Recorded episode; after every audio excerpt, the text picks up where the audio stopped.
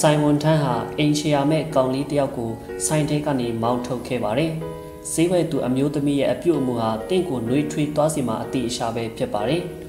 ။တခါတလေလူတယောက်ဟာအောင်မြင်မှုလမ်းကြောင်းကိုမမြင်နိုင်ကြပါဘူး။သူတို့ဟာဘဝမှာမမျော်လင့်တဲ့လက်ဆောင်တွေကိုရတတ်ကြပါတယ်။ဒါကတခြားလူတယောက်ရဲ့ကောင်းမွန်တဲ့အပြုအမူတစ်ခုလည်းဖြစ်နိုင်ပါတယ်။အထူးသဖြင့်တော့သူတို့ဟာရိုးသားပြီးတော့ကျင်နာတတ်တဲ့သူတွေဆိုရင်ပေါ့လေ။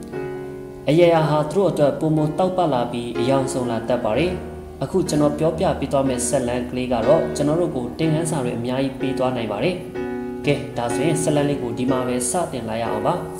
။တခါကရှီကာဂိုမှာကျွန်တော်အတွေးထဲကတလားလောက်အထိမေ့လို့မရတဲ့ကိုတွေ့အဖြစ်အပျက်တစ်ခုရှိခဲ့ပါတယ်။ကျွန်တော်တီးလိုက်ရတာကကဘာပေါ်မှာလူသားတို့ရဲ့မွန်မြတ်တဲ့အပြုအမူတွေဟာလုံးဝပျောက်ကွယ်သွားတာတော့မဟုတ်သေးဘူးဆိုတာပဲဖြစ်ပါတယ်။ အဲ့ဒီနေ့ကနေအလွန်တာနေခဲ့ပါတယ်ကျွန်တော်ကလည်းလမ်းလျှောက်နေတဲ့အရေးတကူကူအောက်မှာ10မိနစ်လောက်ခဏနားဖို့ဆုံးဖြတ်ခဲ့ပါတယ်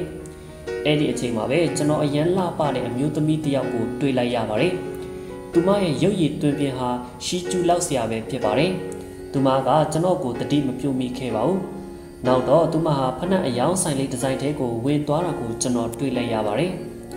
ဆိုင်တကားပေါက်ကနေတစဉ် အဲကိုလေးအေးအေးကိုခန်းစားလိုက်ရတာကြောင့်ကျွန်တော်ကလည်းအပြင်ဖက်ကအပူကြောင့်ဆိုင်ထဲကိုခဏဝင်လိုက်ဖို့ဆုံးဖြတ်လိုက်ပါတယ်။နောက်ပြီးသူမဘာတွေဝယ်သွားမလဲဆိုတာကိုလည်းကျွန်တော်သိရှင်ပါတယ်။ကျွန်တော်ကတော့ဆိုင်ပတင်းပေါက်ကိုပဲကြည်နေတရားဆောင်နေခဲ့ပါတယ်။သူမကတော့ဖနက်တွေရဲ့အရွယ်အစားနဲ့ဆေးနှုံးတွေကိုအယောင်ဝန်ထမ်းတွေကိုမေးမြန်းနေခဲ့ပါတယ်။အဲ့ဒီအချိန်မှာပဲကျွန်တော်ပတင်းပေါက်ကနေတဆင့်လမ်းပေါ်ကကောင်လေးတယောက်ကိုမြင်လိုက်ရပါတယ်။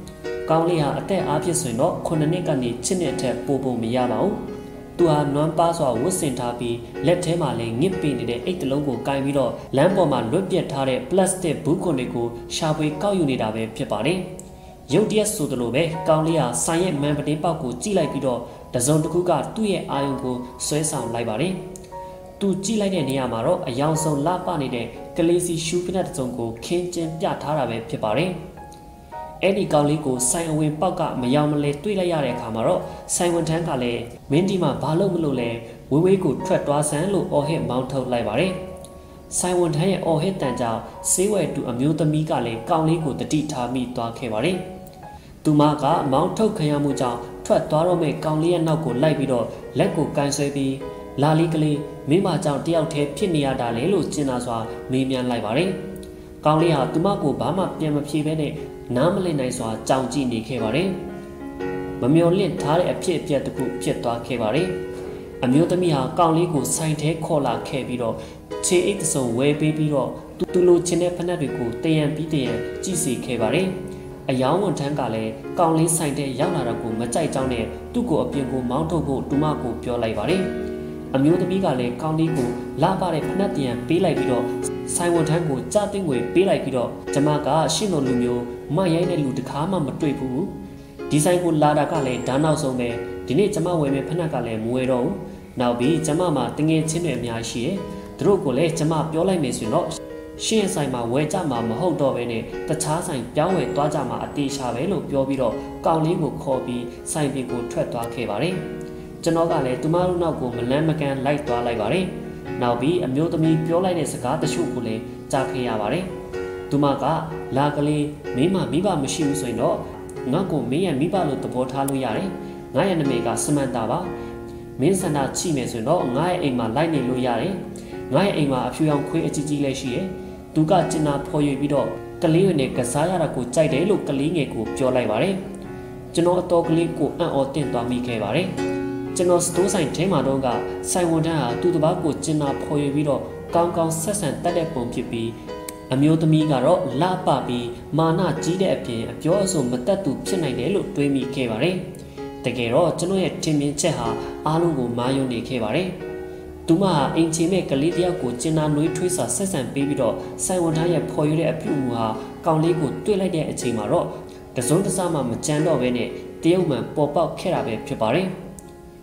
ကျွန်တော်တို့တွေဟာလူတွေကိုသူတို့ရဲ့အပြုအမူကိုကြည့်ပြီးမှပဲဝေဖန်တင်ပါတယ်ကျင်နာတဲ့နှလုံးသားရှိတဲ့သူတွေဟာတံပြန်ပြီးတော့ကောင်းမွန်တဲ့အခွင့်အရေးတွေကိုရရှိမှာဖြစ်ပြီးမပြေဝတဲ့စိတ်သဘောထားမျိုးကိုလည်းစကလုံးလလလေးဝင်နဲ့အကြာကြီးဖုံးကွယ်ထားလို့မဖြစ်နိုင်ပါဘူးဒီကနေ့အတွက်ဆက်လန်းလေးကတော့ဒီမှာပဲအဆုံးသတ်ပါတယ်ပရိသတ်ကြီးတို့ကရောဒီဆက်လန်းလေးကိုဘယ်လိုထင်မြင်ကြပါသလဲဒီဆက်လန်းလေးကိုရောတကယ်အဖြစ်မှန်လို့ထင်ကြပါသလား ကျွန်တော်တို့ရဲ့ comment box လေးထဲမှာပရိသတ်တို့ရဲ့ထင်မြင်ချက်ကိုချရေးသွားနိုင်ပါတယ်ကြည့်ရှုပေးခဲ့ကြတဲ့ပရိသတ်များအားလုံးကျေးဇူးတူတင်ရှိပါခင်ဗျာဟုတ်ကဲ့ပါဆက်လက်ပြီးတော့ပရိသတ်ကြီးတို့အတွက်လူပြင်းလူညံ့တွေပြောလိပြောထားရှိတဲ့အချက်15ချက်အကြောင်းကိုတင်ဆက်ပေးသွားပါမယ်ဒါတွေကတော့နံပါတ်1ဘွဲရအောင်မနေခဲ့ရလို့နံပါတ်2အလောက်ကအရန်ပင်ပန်းနေနံပါတ်3အချိန်ပြည့်ကျွန်းလို့လုံနေရတာနံပါတ်4လောက်ရတာနဲ့ရတဲ့လစာကမတန်ဘူး နံပါတ်5မိဘကတော့ငါ့ကိုမငေါ့ဘူးနံပါတ်6ချမ်းသာတဲ့အတိုင်းဝိုင်းမှာလူမဖြစ်ရတာနားတယ်နံပါတ်9ငါကအရန်စင်းရတာဒါတွေဝေးနိုင်မှာမဟုတ်ဘူးနံပါတ်10ထီပေါက်တယ်လို့နေ့ချင်းညချင်းချမ်းသာရင်ကောင်းမယ်နံပါတ်9ဘယ်တက်နိုင်မှလဲငါမှကံမကောင်းတာနံပါတ်10ငါမှအားပေးမဲ့သူရှိမှမရှိတာစူးစမ်းနေလေအလကားပဲနံပါတ်7ဒီအလုတ်ကစီကန်းကြီးလို့ထွက်လာတာ မင်းလည်းမလုံနဲ့နံပါတ်7သူတို့လိုမှမတော်တာငါလုံနိုင်ပါမလားနံပါတ်7တရေယောက်ကအလုတ်လာခေါ်ရင်ကောင်းပါပဲနံပါတ်14ငါရဲ့လက်ထဲမှာငွေမှမရှိတာဘလို့လုပ်ပြီးတော့စီးပွားဖြစ်မှာလဲနံပါတ်15ငါလုံနေတာပဲဖြစ်မလာတော့မတတ်နိုင်ပါဘူးအခုပြောပြပေးသွားတဲ့အချက်တွေနဲ့ဘဝမှာငင်းညူနေမယ်ဆိုတော့မိတ်ဆွေရဲ့ဘဝကဘယ်တော့မှတိုးတက်လာမှာမဟုတ်ပါဘူး ဒီအကျင့်ဆိုစရိုက်တွေရှိတယ်ဆိုရင်လည်းအခုပဲဆွလို့ပြလိုက်ပါမိတ်ဆွေအောင်မြင်မှုဆိုတာပန်းတိုင်တစ်ခုပါပဲပန်းတိုင်ဆိုတာဥတီချက်ပဲဖြစ်ပါတယ်ခရီးဆုံးတော့မဟုတ်သေးပါဘူးအောင်မြင်ခြင်းဆိုတာကိုဝါဒနာပါရအသက်ပညာတကူခုကိုအရင်ပြုပြီးတော့ပေါင်းမြောက်အောင်ဆွမ်းဆောင်နိုင်ခြင်းကိုအောင်မြင်မှုလို့ခေါ်ပါတယ်မိတ်ဆွေချမ်းသာခြင်းဆိုတာဘဝအဆုံးအမမဟုတ်ပါဘူးအများစုကပိုက်ဆံစုတာကိုကလေးကလားဆန်တယ်လို့တွေးနေတတ်ကြပါတယ် အဲဒါကြောင့်လေပိုက်ဆံစုဖို့လူအတော်များများကမလုံနိုင်ကြပါဘူးချမ်းသာခြင်းကိုတွေးမှဘဝဆိုတာစတာပါအောင်မြင်မှုနဲ့ချမ်းသာခြင်းရဲ့ကွာခြားမှုကဒါပါပဲမိတ်ဆွေကိုကိုငင်းပယ်ခဲ့ဖူးတဲ့သူတွေအကျိုးလိုမှညောင်ရင်လောင်းတာထက်လိုမှပေါင်းတဲ့သူတွေကိုလုံးဝအချိန်ကုန်မခံပါနဲ့မိမိအနာဂတ်ကမိမိကိုယ်တိုင်ပုံဖော်နိုင်အောင်ကြိုးစားပါပတ်ဝန်းကျင်ရဲ့ပုံဖော်ခြင်းခံရတဲ့သူမဖြစ်ဖို့အရေးကြီးပါတယ်အဓိကမှာချင်တာတစ်ခုကတော့ ပိုင်ဆိုင်ဖို့အတွက်မိမိဘက်ကဘာတွေပေးဆက်ရမလဲဆိုတာကိုတွေးထားပါမိတ်ဆွေငငယ်ကမုတ်ခိုးစားလို့မိဘကရိုက်တဲ့အခါမှာငါအသက်ကြီးလာရင်မုတ်တွေအများကြီးဝယ်စားပြစ်လိုက်မယ်ဆိုတဲ့အတွေးမျိုးကိုကလေးဘဝမှာခြံထားခဲ့လိုက်ပါမိတ်ဆွေရဲ့ခန္ဓာကိုယ်ပေါ်မှာအင်ဂျီအဝတ်အစားတွေဘာကြောင့်ဝတ်နေရတာလဲမေးမယ်ဆိုရင်တော့မိတ်ဆွေဘာလို့ဖြစ်မလဲကျွန်တော်ပြောပြပါမယ်အရှက်တရားအတွက်မဖြစ်မနေဝတ်နေရမယ့်အရာပဲဖြစ်ပါတယ်ဘဝဆိုတာကဒါပဲ အနာဂတ်အတွက်မဖြစ်မနေမိတ်ဆွေစူးစမ်းနေရပါလိမ့်မယ်